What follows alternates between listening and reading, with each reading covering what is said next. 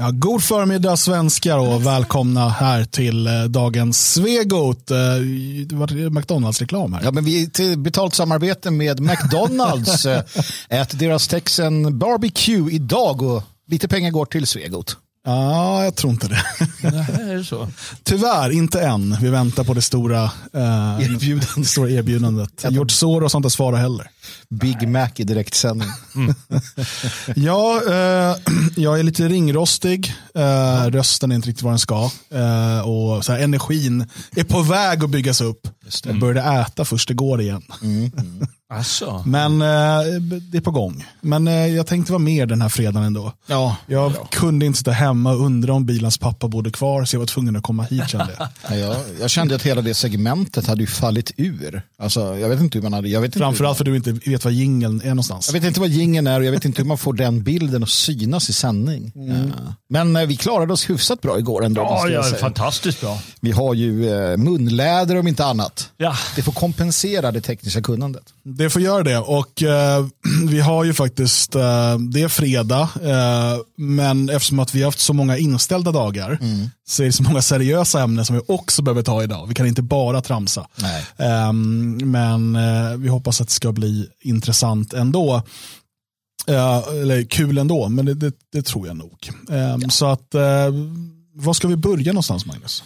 Nej, men jag tycker att vi helt sonika börjar med eh, en av de här tråkiga ämnena som vi ofta är inne på men som, som hela tiden tar sig nya, eh, nya vägar. Och det är ju eh, den, den ständiga attacken mot familjen och som jag har kunnat då se, det som får mig att den här gången eh, pigna till lite, det är att DN har kört under några dagar vad jag uppfattar i alla fall som ännu en sån här kampanj nästan.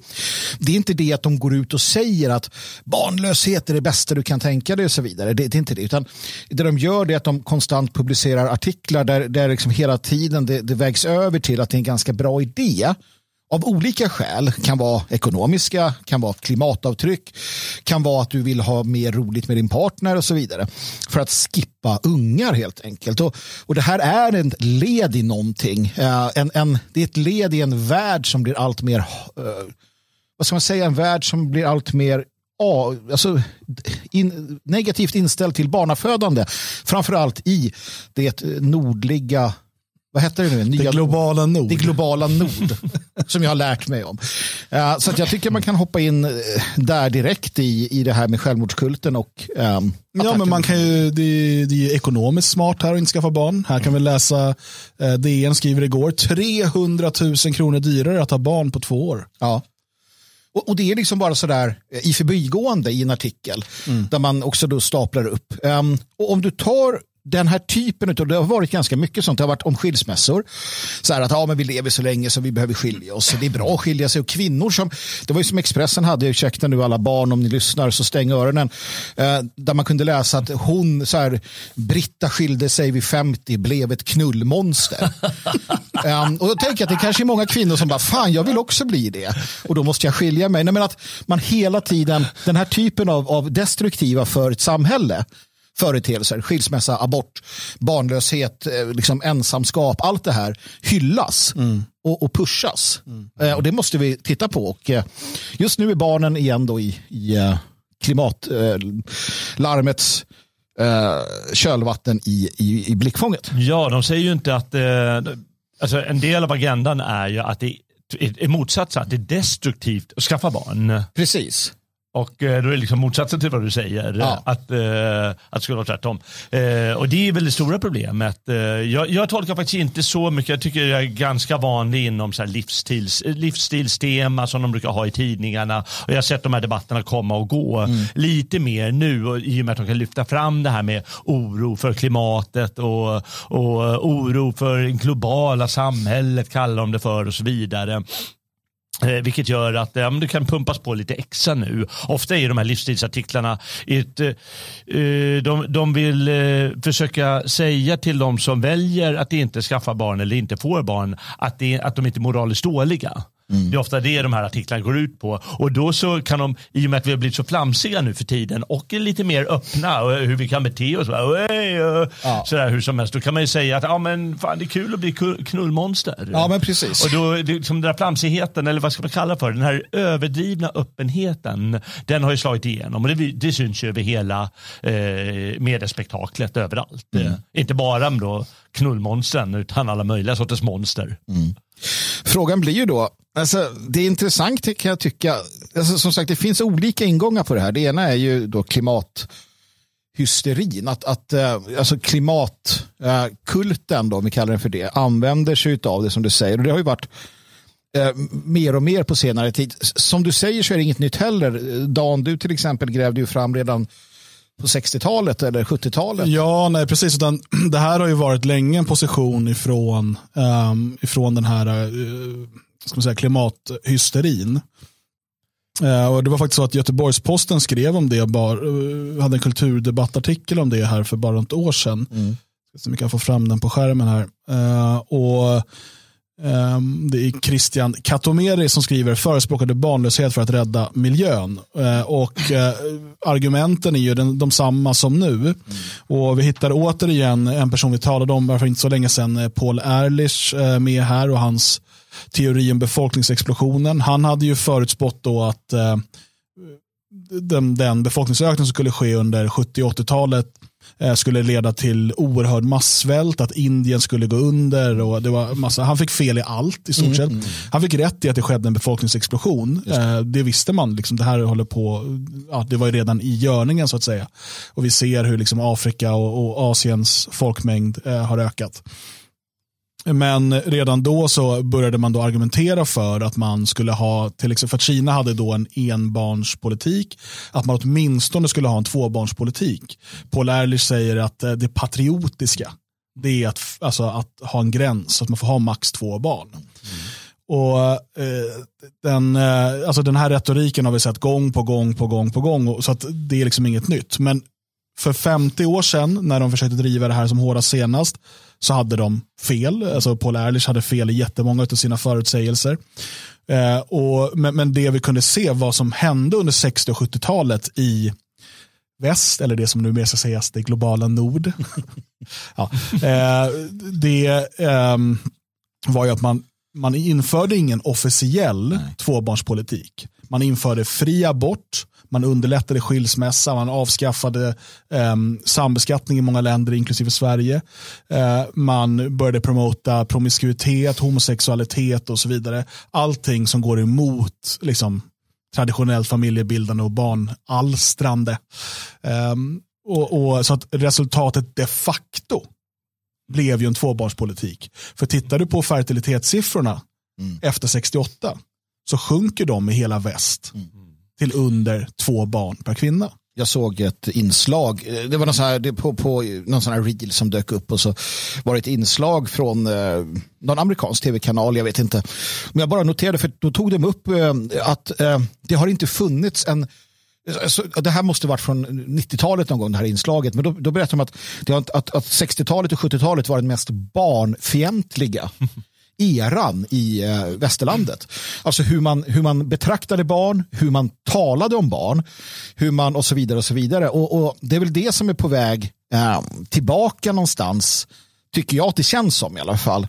Men det intressanta blir ju, eller spännande här tycker jag om man ska titta på det, det är också att miljörörelsen, eller då klimathysterikerna eller vad du vill, de har ju inte heller förmågan att hålla ihop och eh, leverera en en liksom eh, enhetlig idé. För att just som, som vi är inne på här med eh, barn, eh, barnafödandet. Så mm. De som tog ansvaret då, inom citationstecken 70-talet, vi säger tog ansvaret som, som Ehrlich var ute efter, det var ju då det vita västerlandet som vanligt. Det svarta Afrika eller de övriga färgade kontinenterna, de bryr sig ju inte. De, de är ju helt immuna mot alla former av försök att inte och så vidare. Men det är också, det är, helt ärligt så är det ju också en alltså, det är någonting du bara kan hålla på med när du är tillräckligt rik och har, till, du har mat. Ja, ja. och du har, Absolut. Att man skulle få liksom, människor som lever, eh, liksom, knappt vet om de har mat och vatten imorgon, att de ska börja med familjeplanering. Nej. Nej, men det säger sig självt att det, att det inte funkar så. Jag, jag, jag tror nog att det funkar inom eh, enklare afrikanska samhällen som eh, eh, sådana här, eh, vad heter de småväxta, man, jag vet inte vad man får Aboriginerna. Ob- Auberginerna. Auberginerna. Ju- Du tänker på australnegrerna? Nej, nej, nej, nej, nej. Men vi pratar om i Afrika här. Jag vill inte säga något känsliga ord. Nej.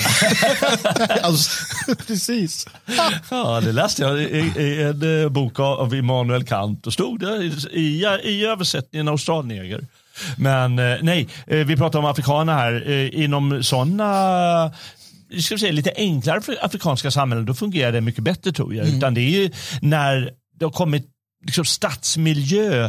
Det, är inte bara, det handlar ju inte bara om eh, barn eh, och familjeplanering och så utan det handlar ju om hur hela samhället ser ut i många av de här eh, kåkstäderna får man väl ändå kalla det för. Att det, det funkar liksom inte. Och det är frågan om någonsin kommer att göra det.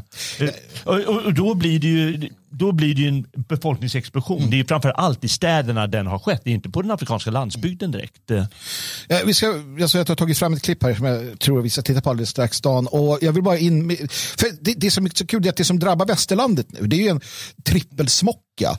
Det är ju dels att vi då för miljöns skull, men det är också det här med att vi är vita rasister och, och därför så är vi skyldiga till allting. För att det som händer inom miljörörelsen nu, då, eller klimatrörelsen nu, det är att sådana som eh, David Attenborough anklagas för att vara rasist.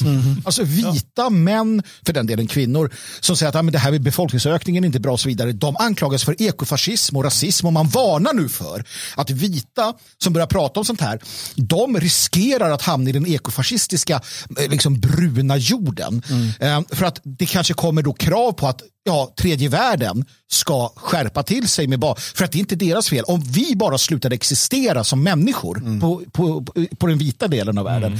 Vi som slukar, vi slukar alltså jordklot. Det läste vi i Aftonbladets eh, eh, ledarskribenten skrev ju det. Vi använder fyra jordklot. En vit människa använder fyra jordklot per år. Nej, inte än. Jag tror fan det var en. Nej, det, det är inte så de har räknat. Om alla skulle använda så mycket Ja, som det en är vit många jordklot. Det är så många jordklot Så många som vi använder. Det är också en underlig beräkning som man kan ifrågasätta på jättemånga sätt. Hur många jordklot använder du Dan Eriksson? Nej, men, och det får ju då sådana som Ann Huge, Huge, Hughes, Hughes. Huge, Huge, Ann Huge. eh, att, Och det, det är ju de här, de försöker hitta de här personerna då som ska vara någon typ av förebilder. Eh, här har vi Anne som har valt bort eh, barn för klimatets skull. My personal decision not to have a child of my own means that I won't be adding to our collective carbon footprint.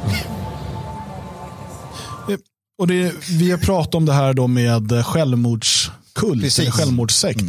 Förstår man själv, så vad, om alla skulle följa i hennes fotspår, hon förstår att mänskligheten skulle dö ut då? Är det det hon vill? ja, mm. Det är inte omöjligt. Eller är det här ett sätt för henne att visa bara, det här är ett sätt hon kan sticka ut på och vara extra god på, så då kör hon på det. Jag tror, jag tror faktiskt är både enklare och komplicerat. Det, det är inte så illa menat allt det här. Utan hon, matar matas ju dagligen. Hon läser tidningar, ser på tv och sak. Och då vill hon kommentera det. Hon vill ju vara med av hela det här nyhetsflödet och kommentera flödet och veta flödet och så vidare. Och då vill ju hon, hon vill säga någonting som hon har eh, kommit på som forskarna pratar om och ska hon dra sin slutsats och säga något vettigt. Eh, jag tror egentligen att det är ganska enkelt det där. Eh, jag tror att mindre människor tänkte kanske på 50-talet. De gick inte och grubblade över alla de här sakerna som kunde hända. För de bombarderas inte med, med idiotmedia hela tiden. Utan då har livet sin vanliga gång. Och då, då då blir det bara vad det blir. Men nu är det tusentals människor som ska ta eh, och försöka komma på och leva sina liv därefter. Jag säger varsågod till henne, det är väl bra. Hon var väl över 40 eller någonting. Hon behöver inte ha några barn. Nej, hon kunde skaffat det tidigare. Och, alltså, jag menar inte att alla behöver ha barn heller. Jag kanske inte ens att alla ska ha barn. en del är inte eh, gjorda för det. Det. Men eh, däremot så vad, vad, är det för signaler man vill skicka mm. och varför är det alltid vita människor ja. som ska det var, vi såg ett exempel från DN där tidigare då de hade varit borta för ekonomin, var ett vitt par. Mm. Mm. Eh, du, du ser aldrig, och det är samma sak eh, om du liksom kollar på eh, reklam för p-piller. Mm. Det är aldrig en kvinna i slöja. Liksom. Jag, jag, jag, måste bara få, när du tar upp det här DN då med, med Alexandra och André och hur man vänder sig till dem alltså, och vad det handlar om här. Och, och Då läser man i texten liksom, ikväll ska Alexandra och André sjunga karaoke med vänner. Imorgon väntar en middag med brädspel och på söndag ska de vandra i naturen. Med barn i bilden skulle de behöva lägga om livspusslet. Det blir för dyrt och så vidare. Alltså, som då André säger, vi kan ju även i dessa tider lägga pengar på lyxkonsumtion.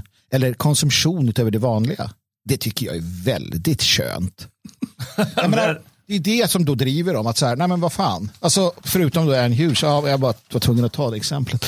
Mm. Men det där var ju jättekonstigt. Hur, det visar hur den här resonemangen som går. Det, det, är ingenting att bry sig om för det är bara en massa korkskallar som ska uttala sig till höger och vänster. De här personerna pratade först om att ja, men det var så dyrt att leva.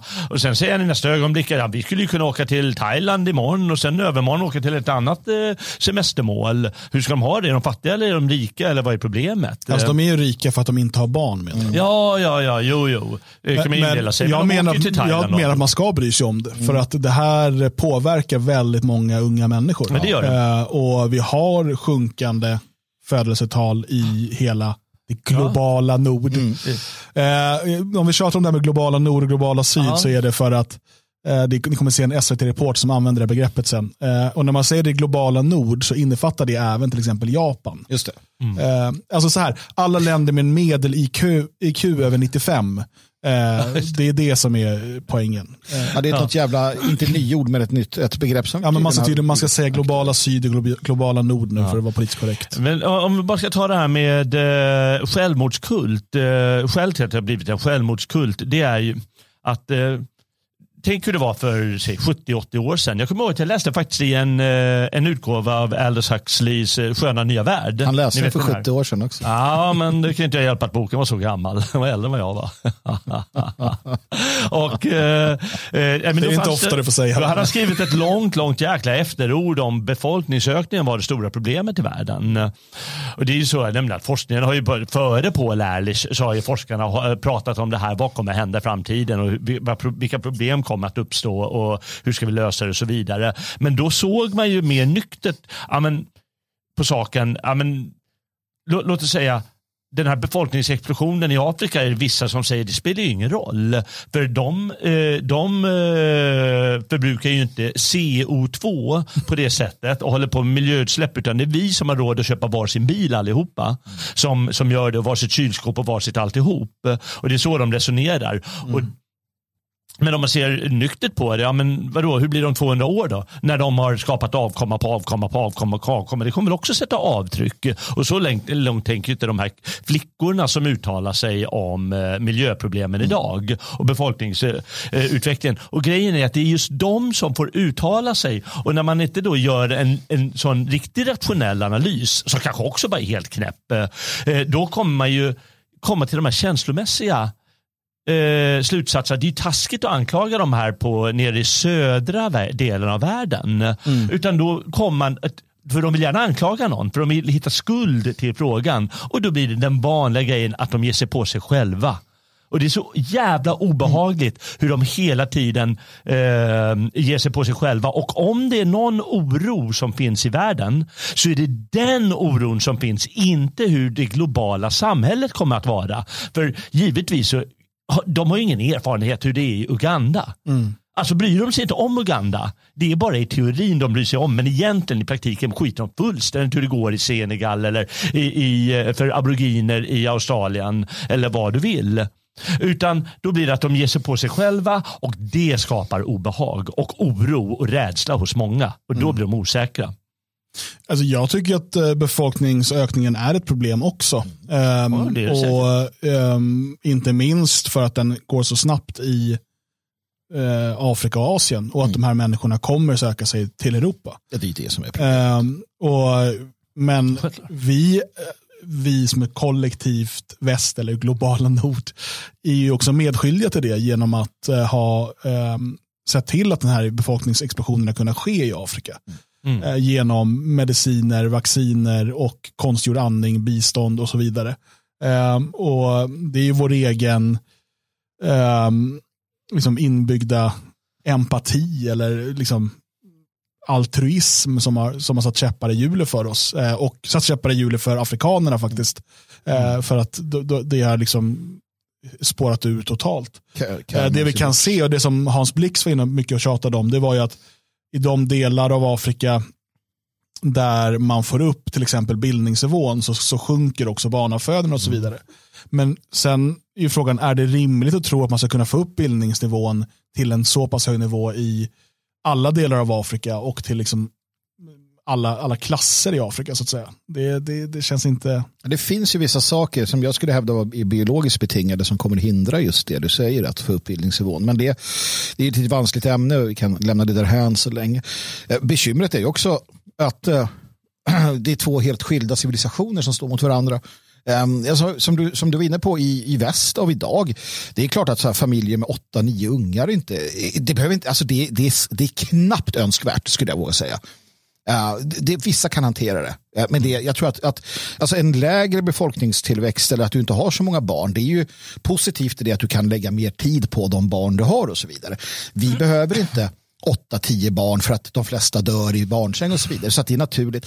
Och som du sa, att, att många behöver inte alls, alltså det finns de som inte vill eller kan få barn och det är inget konstigt heller och de kan göra mycket vettigt annat. Problemet blir om du har två civilisationer med eh, öppna slussportar mellan dem, där en befinner sig på en nivå där man föder 12-15 ungar, en befinner sig där vi befinner oss och sen så är det fritt flöde från den ena den här där man föder många till den andra som förutsätts att då försörja den och den andra som då drar ner på barnafödande för att de utvecklas civilisatoriskt känner något jävla skuldkomplex mot de andra. Då har vi problem för det kommer det är en, då blir det en befolkningsförflyttning. Eh, och, och, du kan också kombinera det med det politiska pyramidspel vi har byggt upp här. Mm. Um, jag tror att det, Uppdrag granskning har haft en, en serie i flera delar om um, demensvården och demenssjuka. Och där pratar man också då om um, den stora explosionen av äldre, alltså pensionärer, uh, de kommande 10-15 åren. Alltså baby boomer-generationen går ju i pension nu. Mm. Och eh, de kommer behöva väldigt mycket vård, väldigt mycket äldrevård. Många av dem kommer bli demenssjuka om de inte redan är det. Mm. Eh, och det finns inte människor att kunna ta hand om dem. SKR var ute och pratade, var det 300 000 som mm. behövdes i mm. offentlig sektor.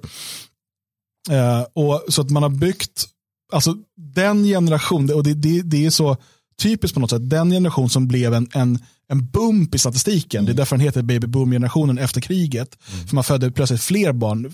Barnafödandet i väst har varit på nedgång under lång tid. Mm. Så kom andra världskriget och efter det så ser man wow, en bulle upp sådär. Mm. Den generationen slutar sen skaffa barn. Mm. Det är där, alltså, då hamnar man på ett läge som man var under det man var innan andra världskriget.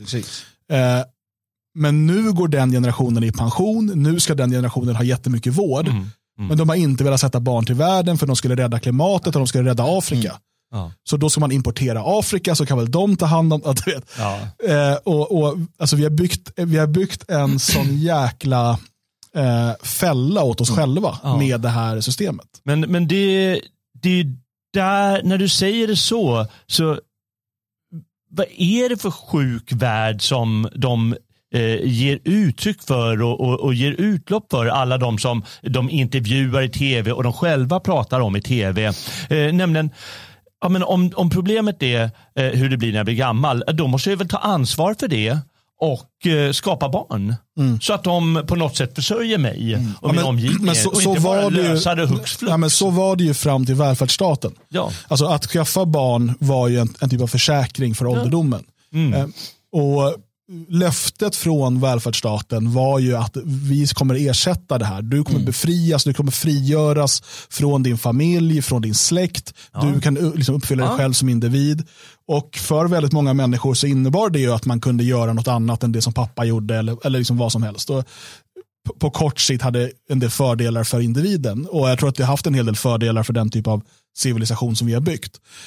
Men det innebär ju också att om vi inte ser till att ständigt fylla på, för även om det inte liksom är i din personliga familj så behövs det nya arbetare i den offentliga sektorn. Mm. Om de inte fylls på, antingen genom att man föder barn eller har massiv invandring, så kommer systemet inte hålla ihop.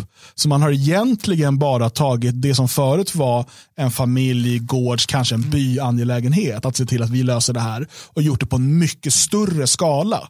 Vilket gör också att när det fallerar, mm. istället för att det då är en familj, en ett som går under, eller att det är en, en by som inte klarar sig, eh, där du kanske några spillror av har flyttat till en annan by, då är det en hel civilisation, då är det en hel, ett helt folk som rasar samman. Ja. Det är det som välfärdsstaten skapar. Mm. Eh, alltså vad, som, vad som kommer ur den här idén då, att man till exempel, ah, men vi kommer inte behöva ha de här barnen och så vidare. Eh, som det är nu, det är en DN-artikel som handlar om någon eh, kvinna, eh, kvinnor som väljer bort barn, eh, de passar inte in i kvinnonormen, ungefär så lyder rubriken och så är det någon kvinna som heter Malou som driver någon sketen podd. Och då så börjar artikeln med som en varm pirrig våg sköljer den förr eller senare över hela kroppen som att bli berusad eller förälskad, svår att kontrollera, den starkaste och mest primitiva känslan av dem alla, barnlängtan. Och det är sant, den där finns eh, den där känslan. Men vad, vad, vad de vill få det till att det är det enda som finns kvar.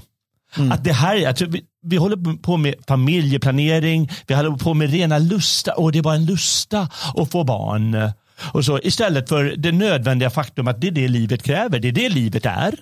Och två, det är det livet kräver. För du kommer bli gammal och du behöver ett barn eh, för att ta hand om dig. Då ska det istället handla om så sockersöta känslor. Att ha dem eller kunna välja bort dem för andra sockersöta känslor. Åka på, eh, vad var det, vad var den här familjen gjorde? De gick på en bingo ena kvällen mm. och så nästa kväll gick de på bio och tredje kvällen träffade de eh, Sara och, och, och Coco och hade jätteskoj och så vidare. Så det är liksom bara lustar det handlar om istället för enkla saker om hur livet är och vad livet kräver. Mm. Sen blir jag lite fundersam uh, kring, för att det har också varit en del som man har läst mycket om på eh, sistone och som verkar liksom växa i USA framför allt, men också i Sverige. Och det är det här att man steriliserar sig. Alltså, det är inte nog med att man säger att vi väljer bort barn och vi, vi, vi liksom ser. Utan så här, ja, men hon har steriliserat sig, han har steriliserat sig. Och jag vet, det är inte, det, är, det är inte jättemånga utifrån, eh, utifrån liksom, eh, den totala befolkningen och så. Men det är någonting som verkar vara en trend som det kallas som ökar. Och vi vet att den här, alltså nu trendar att byta kön. Så att trenda att sterilisera sig mera, det, det tror jag inte är liksom ett problem i sig att det kan bli så. Och då är också jag funderar på, hur hamnar man där, där man så här, Definitivt nej. Jag är liksom 25 bast. Jag känner nej. några stycken som har steriliserat sig. Ja, jag vet någon också. Mm, men den utav de som har färst antal barn har fyra. Precis, och, och där någonstans ja, men så nu förstår vi, jag. Liksom, vi vill fortsätta ha ett aktivt sexliv ja. utan preventivmedel. Men nu räcker det liksom. Ja. Man har gjort sitt. Ja. Eh, jag köper det. Mm. Jag köper det och jag köper människor som kanske har ärftliga sjukdomar som de vet att de kommer sprida vidare. Att, att, jag förstår att man gör det och så vidare. Så att de undantaget, mm. friska, normala människor med god ekonomi som så här, återigen, Alexandra och André, hon har steriliserat sig. Mm. Hon bara, vad, vad, driver en till att göra det så slutgiltigt? Inte mm. så här, nej men vi kör avbrytet eller vi, vi kollar cyklerna eller vi kör kodis. Utan så här, nej men jag steriliserar mig. Mm. mm. Vad fan? Det är väl att det ska bli enklare alltihop.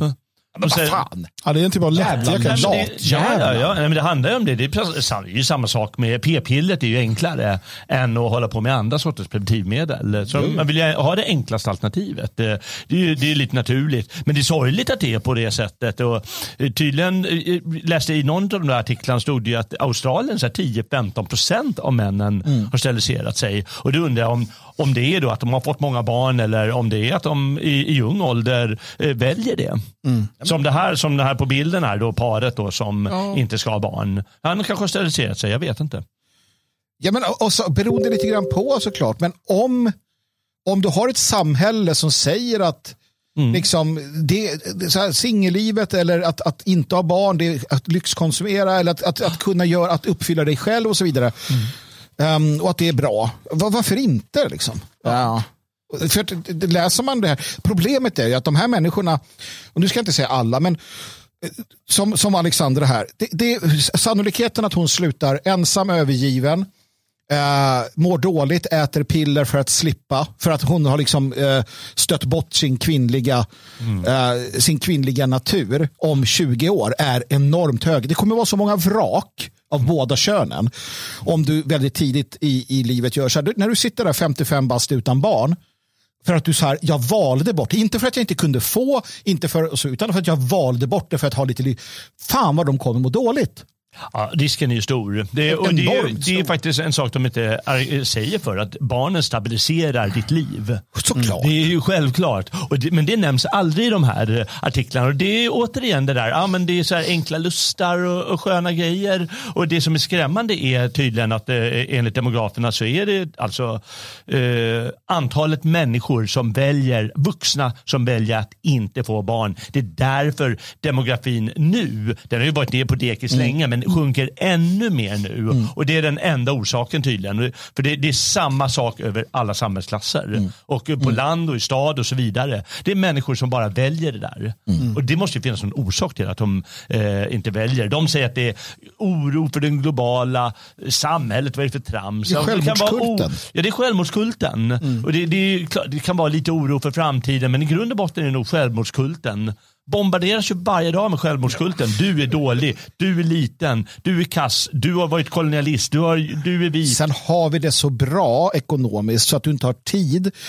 Eh, alltså så här, vi, vi har haft det så bra, vi har det fortfarande så pass bra att män och kvinnor för den delen, men jag, jag vänder mig till männen, behöver inte växa upp. Du behöver inte växa upp. Du kan springa på, på musikfestivaler och rulla runt i lera när du är 45. Du kan köpa tv-spel eller andra spel, brädspel, vad fan du nu vill. Du behöver inte, som våra, min föräldrageneration, de, farsan hade för fan inte tid med sånt. Han hade liksom ett, ett, en familj att bygga. Mm. Med, med, med liksom de sakerna för att säga, ja, men vi ska ha rekreation, vi ska ha en båt så vi kan ta ut grabbarna i, på sjön. Vi ska ha landstället, jag tar hand om min faders och moders landställe där de växte upp. Det här, vi ska bruka den här jorden och så vidare. Han var ingenjör och bodde i Stockholm.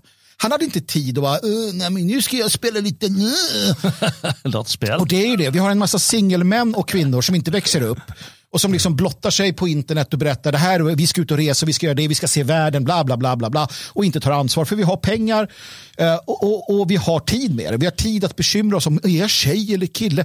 Ja, fan min farfar, hade han tid att tänka på om han var tjej eller kille? Nej, det hade han inte. Du behövde väl inte tänka på det. Nej, men det är jättebra att du säger det här. För om vi tittar på alla de här de intervjuar och den här fruktansvärda, förhoppningsvis ser vi snart det här klippet från SVT med den här hemska journalisten. Ja, den hemska. Alltså det är så barnslig nivå på alltihop och mm. frågorna som hon säger, är du, har du rätt som vit man att påstå det där? Mm. Alltså, vi, kan, vi kan kolla på det klippet. Ja, ja och tänk, och tänk på när vi ser på det här hur barnsligt jargongen är hos många av intervjuoffren och många av reportrarna. Mm. Men för att då har vi ju eh, ständigt tjat då, eh, liksom, riktat mot vita att de inte ska skaffa barn. Mm. Eh, och när man då lyfter att fast befolkningsökningen sker ju inte bland vita, då kan det bli så här på svensk public service. Frågan är känslig. I FNs IPCC-rapport från 2022 så skriver klimatforskarna att globalt fortsätter ekonomisk tillväxt och befolkningsökning vara de viktigaste drivkrafterna bakom ökningen av CO2-utsläppen. Men de raderna försvann i den politiska sammanfattningen. If you read the latest International Panel on Climate Change report, the full you know, 2,500 page report written by the scientists, population growth, ongoing population growth, is, is there in black and white as one of the key drivers of climate change. When you read the 65 page summary, it's been redacted, it's been removed. Robin Maynard är kampanjchef för organisationen Population Matters. De kampanjar dels för mindre familjer i rika länder men också för att biståndet ska satsa mer på familjeplanering i fattiga länder. Enligt FN så saknar 222 miljoner kvinnor tillgång till preventivmedel trots att de vill ha det. There's no way you will achieve the climate change reductions that we need to do if we don't also address population growth, because population growth is over overtaking the, the, the gains we're getting from the uh, you know adaptation and implementation of, of renewable technologies. But who are you as a white middle-aged man here in United Kingdom to advise women in the global south on their fertility? I'm not. I'm, I'm absolutely. But you not. are. You just did. No, I'm not. I'm not saying that at all. I'm responding to the unmet need of mi- hundreds of millions of women. And you're quite right to say, who am I to talk about this? I'd much rather it was those voices from Africa, from India, from South America who were speaking forth, and that's who, who we try to enable, you know, to give airtime to. Här, här har vi ett exempel på eh, en annan sak och det är problemet som sagt med att män i, inte längre har kommandot. Alltså när, när den här kvinnan, hon är här, helt stenansiktet säger det. Han borde ha lappat till hennes ö, glasögon och flög. På riktigt, det är precis det jag tycker. Och sagt, håll käften. Vet din plats. Du vet inte vad du pratar om. Ta dina jävla floskler. Pang.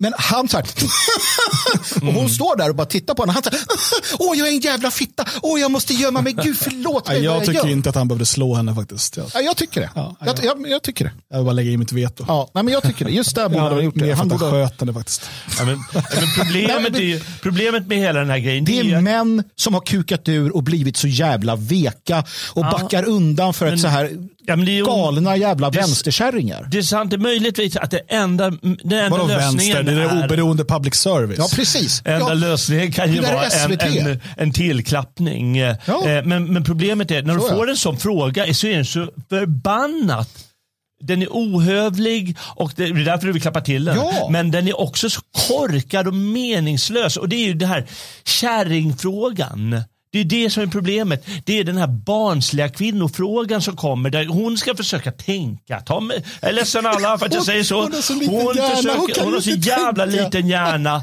För hon vill komma med sådana här floskler. För vad, vad är det vi ser här? Jo, vi ser självmordskulten. Ja. Nämligen riktad mot oss. Eh, Också hela tiden att skuld ska finnas. För det är det enda de klarar av att hitta.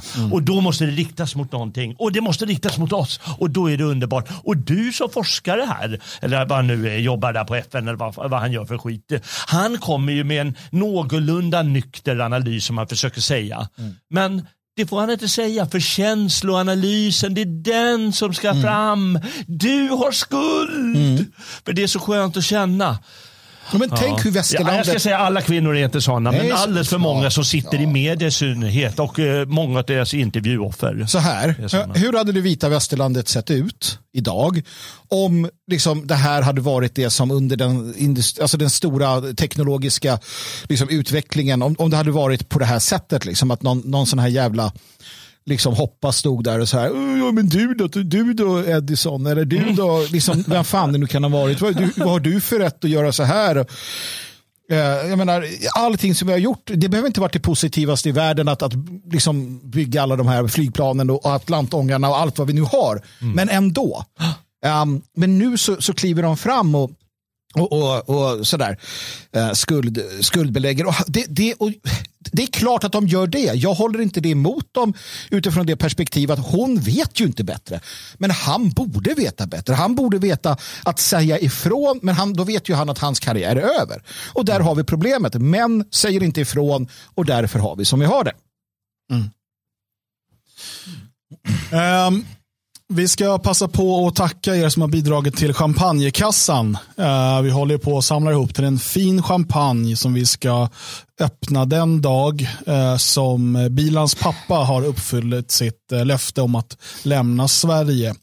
Huruvida Bilans pappa bor kvar eller inte ska vi kolla om en liten stund. Men jag vill passa på att tacka då Aja och Olle och Crinchen och Joakim H som alla har bidragit till denna champagnekassa som nu uppgår, jag tror att den är uppe på 850 kronor. Nu får man ju en bra flaska för det. Nu börjar det tjata som att vi ska köpa Magnumflaska för att eftersom Magnus har lovat att dricka så Oj, oj, oj. Jävlar. Ja. De vill mig illa. Eh, vi har inte köpt någon flaska än. Eh, Den här veckan har varit lite annorlunda. Eh, men det ska, en flaska ska stå här. Nu kan det ju vara så att, tänk om Bilas pappa har flyttat idag så har vi ingen champagne. Det vore... Ja, det, då, då, är det Ja, det då är det så. Jag är beredd att offra champagnen. Ja, då är det så där. Men jag, jag tänker att jag vill ju ha en så här, det, det ska ju vara en Dom Perignon. Ja, men då behöver vi samla lite till. Jag tror de kostar dem på bolaget 2000 någonting. Ja, men då fortsätter vi samla. Ja, samla in. det. En Magnum. De, Magnum också ja. ja. var det inte, för det är väl det som eh, James Bond dricker? Va? Nej, han dricker Bollinger. Dricker han Bollinger? Då vill jag ha en Bollinger. Ja, men det har vi nog råd med. Fan, är han så jävla fattig, James? Det är bara att Dom Perignon är oerhört dyrt. Ja. ja men ha Kanske en tycker god... att den andra är godare. Ja, det kan vara så. Vi sak samma, ge mig schampon. Champ. Ge mig schampo. Vi ska få, du får schampo och vi dricker champagne. Allt det där. Ja, Du är den kompis jag har som minst behöver schampo faktiskt. ja, fan, ja, det är sant. Det är sant. Jag låter det växa lite här nu, det börjar se dumt ut. Så det är Ja. dags. Eh, men vad säger ni, är det dags att vi tar reda på hur det går? Ja, ja. Ja, jag känner det också. All right. Då, eh, Bolinders pappa kvar. Pappa, bor han kvar i Sverige eller har han flyttat någon annanstans? Ja, det vet vi inte. Nu Sjung med nu där i chatten. Sitt där hemma nu. Kom igen.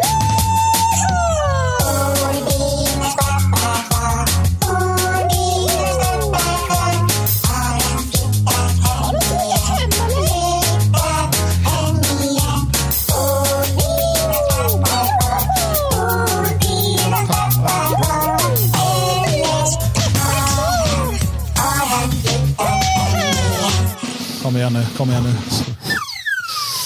Nej! Han är kvar! För is.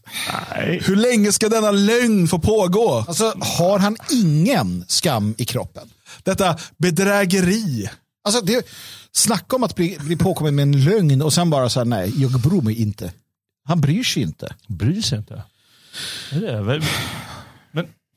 Nej, uh, usch. Och bilen har ju påstått att han visst eh, har flyttat. Ja, det var ju länge sedan nu som bilen så han har flyttat. Eh, Det har bara varit lite segt med, med vi vet att myndigheterna i Sverige är tröga som få, men alltså, ja, en utskrivning. Nej, den dröjer inte Nej. så länge. Det är kanske att de fortfarande letar efter postadressen så vilken hydda det är de ska skicka papperna till. Ja, det kan, ja, i och för sig. Öknen 5. Något säger ju mig att han inte kommer flytta till Somalia. Nej, det tror jag inte. Vart ska han flytta då? Något antirasistiskt land, typ Finland, jag vet inte. Finland är... Ja, det Fast nu har sig eh, högerpopulisterna vunnit igen såg jag. ja, det är sant. Nej, jag vet inte vad han skulle ta vägen. Men, Röstat bort rockstjärnan. Eh, Det var, så här, svensk media var så kul efter finska valet. Så jag bara, alla älskar ju Sanna Marin. Hur kunde hon förlora? Trots att hon är rockstjärna. Så, bara, Rockstjärna. men det är ni som älskar henne. Ja. Det är ni på Aftonbladets redaktion. Det är inte så att hela finska folket tänker mer. men än de, de alltså, de, har ju, de har ju klivit, vi ska ju prata om, om eh, Bud Light och det här snart, men de har ju verkligen klivit, de, de, öppnade dörren till, från, alltså de öppnade dörren från verkligheten, klev in i Elfenbenstornet, stängde, förseglade och så här, skitsamma, vi har pengar, vi har vakter, vi lever i den här världen. Eh, och bara, va? Alla älskar ju Sanna Mark, va? Alla gillar väl liksom, eh, sa, alltså vad det nu är för en jävla tok liksom. Mm. Alla gillar väl dragshow drag show på Sveriges Television. Liksom, nej. Så Nej, det, uppenbarligen så är verkligheten lite annorlunda än deras. Eh, eh, än vad de ser på sin redaktion. Eh, men du säger det här med Bud Light. Eh, vi pratade ju om det eh, innan påsk här. Och, eh, angående den här nya då Dylan Mulvaney som eh, blev deras nya ehm, ja, poster boy, poster girl, poster trans. Och det verkar inte ha tagits emot speciellt bra. Och man, man undrar ju eh, så här, varför gör företag så här? Ja, För att jag förstår att jag är också i min bubbla. Jag förstår att det här också hyllas liksom någon annanstans. Eh, precis som att eh, det, det beryktade vad är det, tredje avsnittet av The Last of Us eh, som i min bubbla beskrevs som det värsta bögskit som någonsin har producerats. Tydligen i liksom, en annan del av Köping har beskrivits som det bästa tv som någonsin har producerats. Alltså det har hyllats som det mest fantastiska avsnitt som någonsin har gjorts. det var en timme bögsex. En timme bögsex. Ja. Eh, och, eh, alltså folk i, jag lyssnade på um, Alex och Sigges podcast när, när det där kom och de var helt, de var helt tagna. Du vet. Det var det vackraste de någonsin har sett. Eh, på en annan vänsterpodd och det var så här, du vet, det har aldrig gjorts något så vackert. Sen tog det några veckor så började folk liksom lugna ner sig. Så här, egentligen var ju storyn inte bra, men det var just att det var bögar. Det var det som gjorde det så bra. Liksom. Men det, Eh, och, och, så att jag förstår att jag är i min bubbla också. I min bubbla så är ju det här eh, Bud Light-övertrampet verkligen ett övertramp. Men jag kan också tänka mig att det finns cirklar där eh, man faktiskt tycker att det här är fantastiskt progressivt och härligt.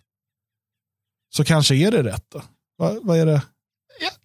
Jag kommer till, så kul som du sa så att man så här, ja men det var ju ändå progressivt. Jag kommer ihåg Brokeback Mountain, jag har inte sett filmen, men när den kom, när den kom, så, så, så var det liksom så här, vi, alltså killarna var så här, ja. men så här, jag har hört så många efterhand, så här, framförallt tjejer som jag pratar med, som bara, ah, nej men det var ju inte så, alltså det var ju inte så, så alltså det där bögeriet var ju inte så, men det var ju så fin story. Och, och det var så bra skådespel. Och det var så fint filmat. Så här, men sluta, det är för fan en, en spelfilm om två bög-cowboys. Det är, så här, det är ju inte, och så, så hittar man hittar de ursäkter, jag bara, det var det jag kom på, sk- jag, jag såg framför mig en, en som som bara, ah, men det var en så bra story. Man bara, Det alltså, ungefär som att man läste eh, Playboy för artiklarna. Ja, men, och det är det jag undrar, gillar, för min uppfattning är ju inte att tjejer generellt sett gillar liksom, alltså just bögeriet i sig brukar de ändå ha en aversion. Nej, men jag tror att de älskar, alltså go godhetssignalerare gillar att Ja, ja. signalera hur mycket de tycker om det där. Men, en bra story i alla fall. Ja, förlåt, det här eh, gick ja, ja, ur spår. nej, men, och, och, eh, det finns ju det här begreppet go woke, go broke eh, och samtidigt finns det de som hävdar att det är tvärtom. Alltså det man kan se på de här företagen som har, som har gått woke, Mm. som har gjort de här, eh, och där, där liksom högern, republikaner och så vidare har uppmanat till bojkott, att de istället på sikt har tjänat på det. Mm. Eh, och Det där har varit svårt liksom, att få ihop, eh, men bara liksom, man får väl anta då att min cirkel, min bubbla är mindre och inte kan påverka så mycket. Eller kanske inte är lika ihärdiga i sina bojkotter eller vad det nu må vara. Vi kan se nu att eh, Bud Light eller företaget bakom Bud Light och de har ju tappat, deras aktier har ju rasat i värde och sådär på väldigt kort sikt ska sägas. Eh, och det kanske äntligen kommer en diskussion i USA om att man kan börja dricka riktig öl istället för det där jävla pisset. Men ehm, sen läser jag i New York Post. Och det här nu tycker blir det intressant. Ja. För att eh, bara säga det att nu, nu, alltså Kid Rock uh, heter han va, som, som gjorde en kampanj, han sköt sönder Bud Light-flaskor. Det, har- det har varit mycket så här att de förstör och visar upp det. Och, men jag tror att det här kommer liksom pysa undan och sen kommer det fortsätta. Man flyttade fram positionerna eh, rejält med, med den här eh, bilden på Bud Light-förpackningen. Man tar bort den nu. Det verkar som att man skyller på någon mellanchef eller underchef eller så. Jag tror att det kommer tillbaka för att det du ska berätta om nu Dan, det är det som avgör. Inte eh, inte kampanjer, inte om Kid Rock blir arg, inte något, utan det som avgör det är det vi kommer in på. Och det är lite obehagligt. Ja, för det New York eh, skriver om, det är att New York Post skriver om, det, det är ju att eh, företagen behöver, alltså de bedöms efter något som kallas för Corporate Equality Index. Corporate Equality Index. Eh, och där, eh, det är något som heter då The Human Rights Campaign, vilket är den största hbtq plus eh, lobbygruppen i världen. Så tänk er RFS eh, L på steroider. Ehm, och de här är bland annat då finansierade av Open Society Foundation. Inte det, vänta, det är en klocka här, det är någon, är det ungraren? Det är ungraren George Soros. ja. Den Filantropen. ungerska nazisten.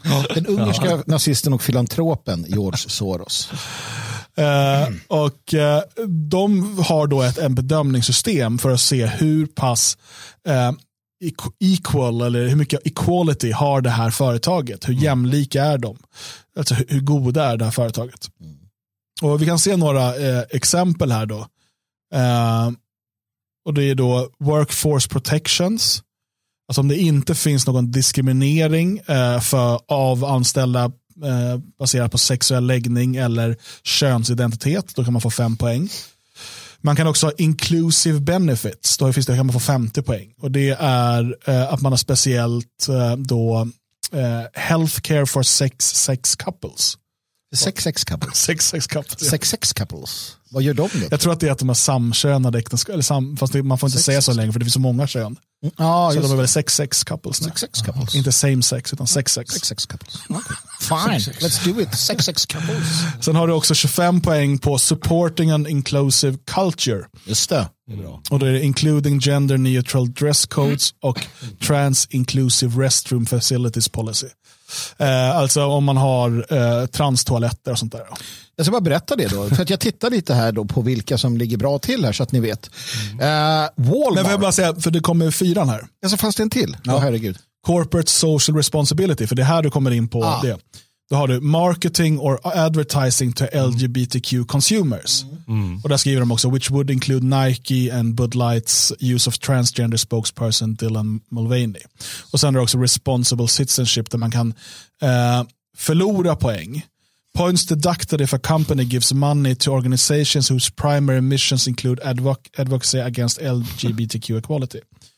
Eh, which is not defined but could include Christian groups. Ja, till exempel Chick-fil-A vet vi, eh, som ägs av ett eh, kristet. Ja, men, jo, men precis. Men, ja, och, och vad sa du, vilka som ligger bra till? Jag ska bara säga det då. Vi har här, jag, jag, är, inne på, jag är inne på den här, eh, den här för, eh, firman, vad de nu hette, som eh, utfärdar det här. Walmart ligger på plats nummer ett. De har 100 av 100. Oj, Um, Amazon.com Inc. har 100. hundra. 100. De, alltså de är Jo. bäst.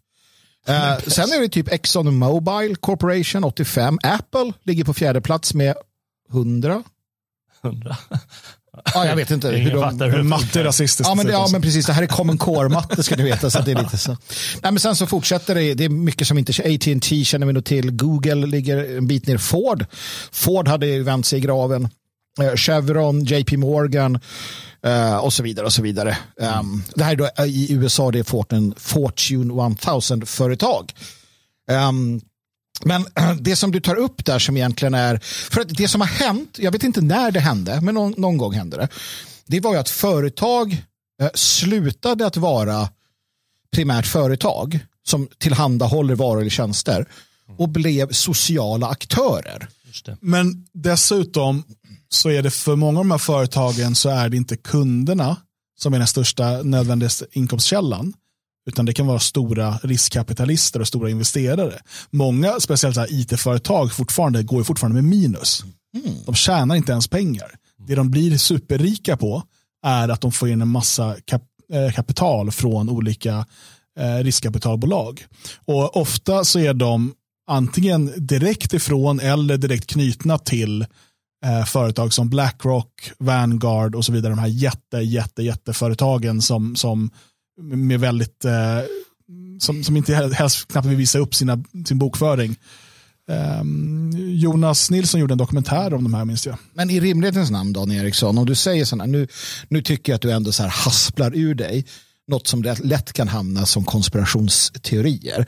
Då måste du ändå kunna hitta, finns det någon som helst koppling mellan exempelvis då Blackrock som du tar upp, skulle de då på något sätt ha sagt eller gjort någonting som kan få oss att tro att det är som du Jag, säger? jag tror att många som har följt åtminstone amerikansk debatt har hört talas om det här som kallas för ESG. Environmental, Social and Corporate Governance. Och det är alltså då, man pratar om etisk, et, etiska investeringar. Eh, inte etniska, men det kanske är det också. Eh, och om man själv har testat på en kanske någon Avanza eller någon annan sån här eh, där man kan köpa aktier. Då är det ju, liksom, du trycks på det hela tiden. Vill du investera i liksom, ehm, de här socialt medvetna aktierna eller klimat, vet. Och det är också ESG då. Eh, och det här CEI som vi var inne på förut, det här Equality Index, det är en del av ESG. Så att om du vill räkna som ett, eh, ett företag som har bra ESG så måste du ligga högst på Equality Index. Så ska du kunna få pengar, till exempel Blackrock och Vanguard, de går väldigt mycket ifrån det här, ut, ut, utifrån där. Och ska du kunna få pengar från de här stora jättarna, då behöver du ha ett bra Equality Index. Och det är intressant här hur vi återigen, precis som för hundra år sedan och lite mer, ser hur det stora ansiktslösa kapitalet, vilket man verkligen kallar Blackrock och Vanguard. Vem är Blackrocks vd? Larry Fink, pittögd jävel. Hur många vet det? Ingen, jag vet det för att jag läste det nu för att han har sagt just det du säger. Att, att företag måste vara socialt medvetna och ta ansvar. Eh, precis. Och att det ansiktslösa kapitalet och vänstern Mm. sitter alltså ihop som handen i handsken. Eh, precis som att det ansiktslösa kapitalet eh, eh, betalade för och sen under lång tid stödde både den bolsjevikiska revolutionen i Ryssland och på många andra ställen där de försökte och sen eh, liksom pumpade in pengar i Sovjetunionen. Eh, precis på samma sätt idag ser vi hur det ansiktslösa kapitalet och eh, som transbög eh, miljövänstern vill exakt samma sak. Och den här vänstern då målas ut som någon typ av opposition, någon typ av, det heter, alltså, att de här på något sätt skulle utgöra något hot mot makten. De är makten, de är en del av makten. Ja. Nej, och du har en väldigt tydlig eh, biblisk referens. Jag vet att eh, Jalle uppskattar dem mer än någon annan.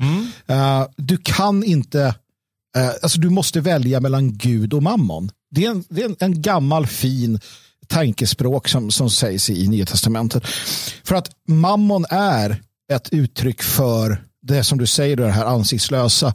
Mammon är liksom eh, den, den onde på jorden och det ser vi ju definitivt här. Och, och du kan liksom inte ha både och. Det är bara uppenbart för att nu, nu tappade man då 6,5 miljarder eh, dollar på Bud Light. Det skiter ju Blackrock i. Alltså 6,5 miljarder, det, det, det är kaffepengar. Det här är alltså de som kontrollerar den globala ekonomin. Alltså, vad spelar 6,5 miljarder, vad spelar lite arga hillbillies i USA för roll när satan Och dessutom är det så att det här företaget äger ju många andra märken Ja. förutom Bud Light. Precis. Och Bud Light har dessutom under lång tid haft sjunkande försäljningssiffror eftersom att folk har upptäckt att det finns god öl också. Ja. Eh, som det är inte så populärt som det en gång var. Jag tror att för det företaget och för investerarna kan Bud Light lite brinna eller inte. Det spelar Ja. liksom ingen roll. Utan här är det ju viktigare då att hamna högt på equality index så att du kan få in riskkapital och så kan du fortsätta med eh, och betala ut stora bonusar till styrelsen och så vidare. Och, och det, är- då kanske folk blir lite ledsna. För att jag blev ju först glad över det som händer nu. Med, med, och det blir jag fortfarande för att, för att vi ska inte underskatta moralstärkande segrar eh, för liksom folket att se. Men på, vi, vi måste i det här sammanhanget på Svegot där vi har väldigt intelligenta och intresserade lyssnare och läsare och, och tittare och allt vad det nu är. Så måste vi också förstå just det här att det är Blackrock. Det är de som, som styr det här. Det är medvetet. När vi undrar varför man tar uppenbart konstiga beslut så är det för att ja, men det är bättre att ställa sig i ledet och kunna få pengar från Blackrock, Blackrock än att välja och, och därvid ta då in eh, trans, eh, transor som gör reklam för tamponger. För större hån mot kvinnor kan du inte, du kan ju inte håna kvinnor mer, spotta mer på det kvinnliga könet än att ta en man som leker kvinna som gör reklam för deras tamponger och bara, ja, när jag får mens, då har jag den här, bara, men du har ju för fan en manslem din jävel.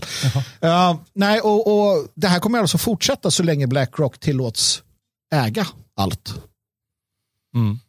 Ja, Det är bra att du säger det så. För eh, det betyder att, eh, jag vill återgå till det här ba- bara med, med dödskulten. Att det måste ju förstå att det, det, det kommer någonstans ifrån. Man frågar sig varför, vill, varför vill de det här? Ja, Okej, det här ekonomiska, att de får in stora, eh, stora eh, kapital, mycket kapital i företaget eh, och eh, det kan gå till styrelsens bonusar och så vidare. Men det måste ju finnas mer. Varför stöttar de ryska revolutionen? Varför gör de allt det här? Det är väl någon dödskult då? Den totala Skurkar. materialismen. Du kan, alltså, hela världen är i den ondes våld. Det finns, en, en, liksom, det finns, en, en, det finns två typer av människor. De som eh, ser någonting mer än att bara äga, att lägga jord till jord, åker till åker. Eh, Fink och de, de vill bara äga mer och mer och mer och mer och mer och mer och mer och mer och mer och mer. Det är allt vad det handlar om. Och, och man går över lik för det. Det, det finns liksom. Det, det, Men sen eh, det är ju så här också att om du idag eh, har en, en startup som behöver kapital. Eh, det är i stort sett omöjligt att inte liksom, spela med i det här spelet om du vill ha pengar. Eh, och det är ju här ett av de stora problemen. Här hade det behövts eh, kapitalstarka investerare som öppet ställer sig och går emot det här. Vem vågar göra det då? För att saken är, vi säger att det är en person som jag absolut alltså inte tror skulle göra det, men mm, vad heter han den här rika jäveln som äger Dallas? Uh, spelar roll, investerare X, han äger ett, eh, ett baseballlag säger vi. Han har jättemycket pengar. Och sen så uh, kommer någon och han, vi säger att han är emot det här. Och han säger, ja, men nu måste det måste finnas, eh, så man vet att de kan komma till oss riskkapitalister i den här gruppen för att då behöver de inte spela med där. Han går ut med att ja, men man behöver hålla på med den här transskiten, vi är konservativa, vi är kristna. Eh, och då, eh, um, vad händer då med hans baseballlag? Mm. De får inte spela i ligan längre. Nej. De får inte, du vet, sponsorerna till hans mm. baseballlag, de försvinner. Mm. Mm. Du vet, så att alla är liksom, vare sig, om de inte är tillräckligt starka för att helt bryta sig loss från den nuvarande ekonomin, så mm. kan de inte göra någonting för de är alla liksom ihopbundna med den. Det finns ju såklart människor som har, liksom, man brukar säga, liksom, fuck, fuck you-kapital. Liksom. Ja. Så ja, jag har så mycket pengar så jag bryr mig inte. Uh, och ja, Det skulle ju vara de då i sådana fall, men de har ju sin egen agenda också. Jag är inte helt säker på att den alltid lirar överens med våran. men sen är det ju så här också, om du tittar på då, uh, Blackrock, uh, Larry Fink som 2018 skriver, bara för att liksom understryka det du säger. Uh, han skriver att that if a company doesn't engage with the community and have a sense of purpose it will ultimately lose the license to operate from key shareholders. Mm. Han säger tydligt, gör du inte som vi säger med det här, då kommer du förlora möjligheten eller the license to operate. Det vill säga, Elon Musk med allt sitt kapital i världen kan sänkas av de här, om mm. de vill. Det går. Uh, det är den och det är där när man säger, åh jävla Elon, varför gör du inte så här? Ja, men testa själv då för fan mm. och ha det här emot dig. Um, det gäller att balansera. Uh, absolut är det så. Och eh, Chick-fil-A till exempel som har slitit och jobbat och enda orsaken till att de ens finns det är för att människor vill äta deras kyckling istället för äckliga KFC. Uh, eh, och så vidare och så vidare. Så att det, på den här nivån vi pratar om nu um, så, så de kan sänka vem de vill när som helst. Um, och, och det, är den, det är den verklighet de här med fuck off-kapital uh, måste förhålla sig till.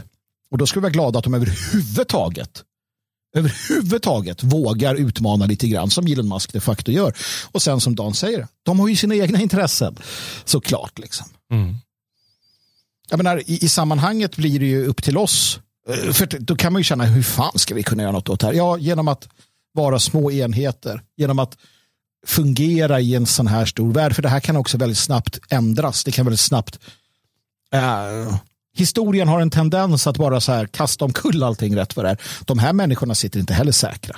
Det gör de inte. Det krävs inte så mycket för att hela systemet ska krascha. Mm, mm. Men man kanske får vara glad, för jag tänkte ju säga att det är lite skrämmande att, då, att vissa saker, att de får fram det så fort. Det här med transerier till exempel. Det har ju bara varit på tapeten ett år, mm, mm. om ens det. De får fram agendan så jäkla snabbt. Men där i finns ju också faran för dem själva, för det betyder att de lika snabbt kan mm. de falla omkull. Det, det, det, tror jag man ska vara medveten om, att eh, så säkert behöver de inte sitta. Mm. Nej, jag menar Elon Musk har ju blivit ett hatobjekt. Ja. Um, totalt. Uh, och det är för att han, han liksom inte helt spelar med på, uh, på det. Jag försöker hitta nu, vi har haft lite tekniska problem här innan så att jag har inte mm. tillgång till min vanliga webbläsare. uh, vilket gör att jag inte liksom har tillgång till allt. Men det, den här intervjun som var med, med honom på BBC som jag har blivit. Det här, det här är något inslag om det så jag vågar inte svara på om det här kommer eh, ta upp men det borde vara med. Det. Det, där är ju, det här är ju fantastiskt att se. Mm. Daily Mail now, and Elon Musk caught a BBC reporter lying about hate speech on Twitter, Steve. Yeah, I mean, the Daily Mail, though, done the truth to very... Um, watch it right now. We've got the clip. Um, particularly around hate speech um, in the company. Is that what hate speech are you talking about? I mean, you use Twitter. Right. Do you see a rise in hate speech? I would say I would see more hateful content in that. In that. Content you don't like or, or hateful? What do you mean to describe a hateful thing? Yeah, I, I mean, you know, just content that will solicit a, a, reaction, something that may include something that is slightly racist or slightly sexist, those kinds of those kinds of things. So you think if I'm, something is slightly sexist, it should be banned? I, no, Is I'm that not, what you're saying? I'm not saying anything. I, I, I- then I, I say, so that you don't know what you're talking about. really. Yes, because you can't give me a single example of hateful con- uh, content, not even one tweet, and yet you claimed that the hateful content was high. Well, That's a false. no. What I You just claimed- lied. What? No. yeah, really get caught. Eh, det det där pågår ju ganska länge och han liksom, så, ja, men, men ge ett exempel då. Så, och sen så till slut så hänvisar han till ja, någon sån här underlig eh, organisation som är finansierad av Open Society Foundation och svenska utrikesministeriet eller vad typ som det heter. De säger ju att det är så här. Ja, de säger att det är så. Eh, och eh, Jag nämnde Alex och Sigge tidigare, jag lyssnade på dem på, i bilen på vägen hit. Eh, då pratade de faktiskt om det här. Då sitter Alex Schulman och säger så här, eh, för jag förstår inte alls den där Elon Musk vad han säger i den där intervjun, för att, att visst, han kan inte ha gett ett exempel, men att det är så, det vet vi ju. Det vet Precis. vi ju. Men vadå, det vet vi ju. Det. Men vad har du för bevis för det? Men det vet vi ju att det är så. För det har ju alla mina kompisar sagt att det är så. Och, för det som, och intervjuaren säger själv, han bara, jag har inte kollat på Twitter på 6-7 veckor. Ja, det. Ja, men men hur, du säger ju att, att det har blivit mer hat på, på ja men det vet man ju. Liksom. Det är samma där.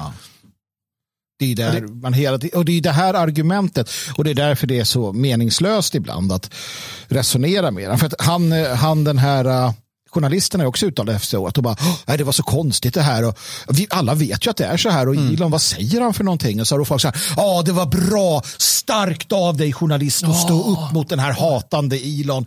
För att sanning, mina vänner, betyder ingenting. Sanningen, spola ner den.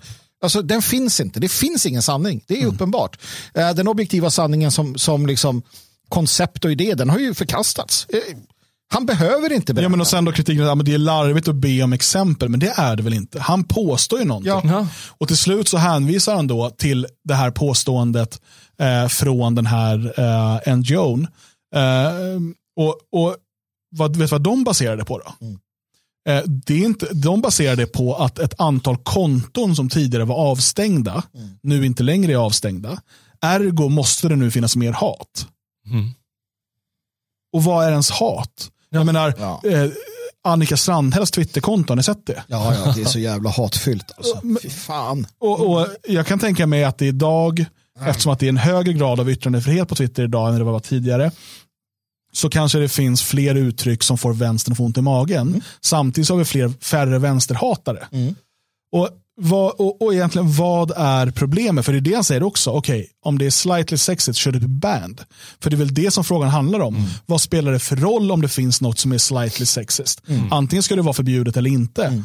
Och eh, för, det, det Alltså, vi hade en gång en ganska bra gränsdragning som sa att du får inte hota människor. Du får inte hota människor. Och så här, om du ljuger uppenbart om människor, driver kampanjer, trakasserar, kränker, som det var en gång i tiden. Det får du inte. Men du får säga vad fan du vill, i princip alltså, utom detta. Och det spelar ingen roll om människors känslor blir sårade. Så var det ganska länge i det här landet och i västvärlden och Magna Carta och tillbaka till liksom eh, gammal tid. Och sen så kom det och blev som det är nu. Och det är, du, numera, vi vet ju det, eftersom om man jobbar med det vi gör och driver den typen av verksamheter vi gör, då hamnar man ibland i delo med, med grupper, organisationer och eh, företag. Så säger de att ja, men ni måste följa våra guidelines. Och så bara, okej, vilka är era guidelines? Ja, ni får inte eh, producera eller publicera hatfullt content. Och så frågar man, vad är det? Ja, det, är vi, det är det vi tycker är hatfullt vid varje givet tillfälle. What we deem. Läs användarvillkor på, på de här Spotify och Amazon och allt vad de heter. Ofta säger det så här, what we deem to be hateful, you cannot publish. Och så frågar man, vad menar det? Nej, men det är ju ett sätt att hålla öppet för att kunna stänga av Stänga av man- vem som helst vem när man- Det handlar, handlar ju bara om eh, makt och underordning Ja. framför allt. Eh, att eh, många ska underordna sig och det är ju ett fantastiskt sätt att göra det. Mm. Oj, jag säger att man ska göra så. Och jag var taskig utan att jag vet om det ens. Ja. Oj, oj, då ska jag aldrig mer öppna munnen. Sen det är är klart det- att eh, det är jäkligt effektivt då. Sen är det så här, och det här är viktigt att förstå i det här med hur de skriver avtalen. Självcensur är alltid hårdare och mer långtgående än den censuren en stat eller en organisation kommer med. Om någon får dig att vara otrygg, då väljer du att censurera dig långt mycket mer än du egentligen behöver. Och det är det man, man festar på, det är det man vill få till. Ängsligheten, rädslan att förlora din business gör att du blir så jävla feg i det du säger. Um, så att liksom, ja, hade de sagt att du får inte säga n-ordet, du får inte, säga, du får inte skriva nigger, nej okej, okay, då gör jag inte det. Men om du, du får inte kränka människor av kulör, Ja, då är det lika bra att jag inte pratar om dem. Alltså, det är så det här fungerar. Det är psykologin bakom. Det måste vi förstå. Människor av kulör. Är det den svenska översättningen av people of color? Det blev det i min hjärna i alla fall. Ja, roligt. Människor av kulör. Ja. Ja, vi har ju blivit avstängda från varenda plattform som finns. Ut, ja, Twitter har jag nog aldrig blivit avstängd ifrån tror jag. Nej, faktiskt inte. Eh, Men YouTube, Spotify, Apple, eh, vad det nu heter, Apple Podcasts, iTunes där. Ja, eh, så har vi väl lyckats med. Ja, vi har lyckats med en hel del. Ja, och sen lite annat sånt. Paypal. Ja, precis. precis. Och, och... Ryssland. Allt det är möjligt. bara du Magnus som Ja, det är. Men det, det är som det är. Nej, det där ska ni komma ihåg alltid. Det är lika bra att påminna er om det. Gå in på svegot.se, prenumerera på nyhetsbreven som finns. Alltså, se till och säkerställ att ni kan få information även om den försvinner från de här plattformarna. Eh, för att jag vet hur det är och, och, och vi vet det. När man försvinner från hälften av er som lyssnar eller tittar just nu på YouTube. Ni kommer skita i om vi försvinner från YouTube för att ni lever på, all- ni är algoritmknarkare. om det här inte kommer, ja men vi vet det. För när vi försvinner så försvinner jättemånga. För de orkar inte, du, just du din jävel, orkar inte ens följa på egen hand. Utan du är en algoritmknarkare. Kommer inte det upp i flödet så bara, "Ugh, jag orkar inte. Skärp dig! Prenumerera, gör något jävla Jag tycker det är intressant faktiskt att se nu um, Steven Crowder. Han har haft problem med YouTube eh, under lång tid. Och nu så försöker han ju, han ju börjat sända på Rumble. Eh, och hur mycket, han har alltså fått miljontals tittare dit. Eh, och det tycker jag är intressant. Eh, faktiskt för att, att folk börjar röra sig lite från de här plattformarna. Sen, vi får se, vi ska också ha miljontals tittare på Rumble någon gång. Absolut ska vi. Jag ska börja sända där först. Ja, ja, Ja, men det, det, är väldigt, det är väldigt bra att se för att oftast är det att du, om du om du då tvingas till en annan plattform, så de flesta, ja precis just du, nu är folk arga på mig för att jag pekar på dem, ja, men det är så väldigt många som säger, nej men jag är på YouTube och inte du där, men bara men för yttrandefrihetens skull, nej, ja, men för, för sanningens skull, nej, nej men det finns ju I just wanna be cool, vad fan, jag orkar väl inte med det. liksom, ja ja okej. Ja. Eh, vet ni? Vi klarade av en timme idag. Ja, det gjorde vi. Lite drygt. Helt otroligt. Ja. Och eh, jag tänker att nästa vecka så ska vi ha en ordinarie sändningsvecka. Kan vi testa? Ja. Och vet ni, snart så släpper vi biljetter till en bokrelease och en föreläsning i Stockholm. Va? Spännande. Va? Ja, jag hoppas ni vet det, för ni är väldigt, väldigt Jag har ansvariga för ingen det. aning om det här. Oj då. Eh, och vi kommer vara där och en amerikansk författare kommer vara där för att hans mycket älskade eh, och eh, bäst säljande bok äntligen kommer på svenska. 27 maj kommer vi vara i Stockholm. Biljetter och information kommer väldigt, väldigt snart. Vi hoppas få se er där då. Tack för idag. Vi syns på måndag.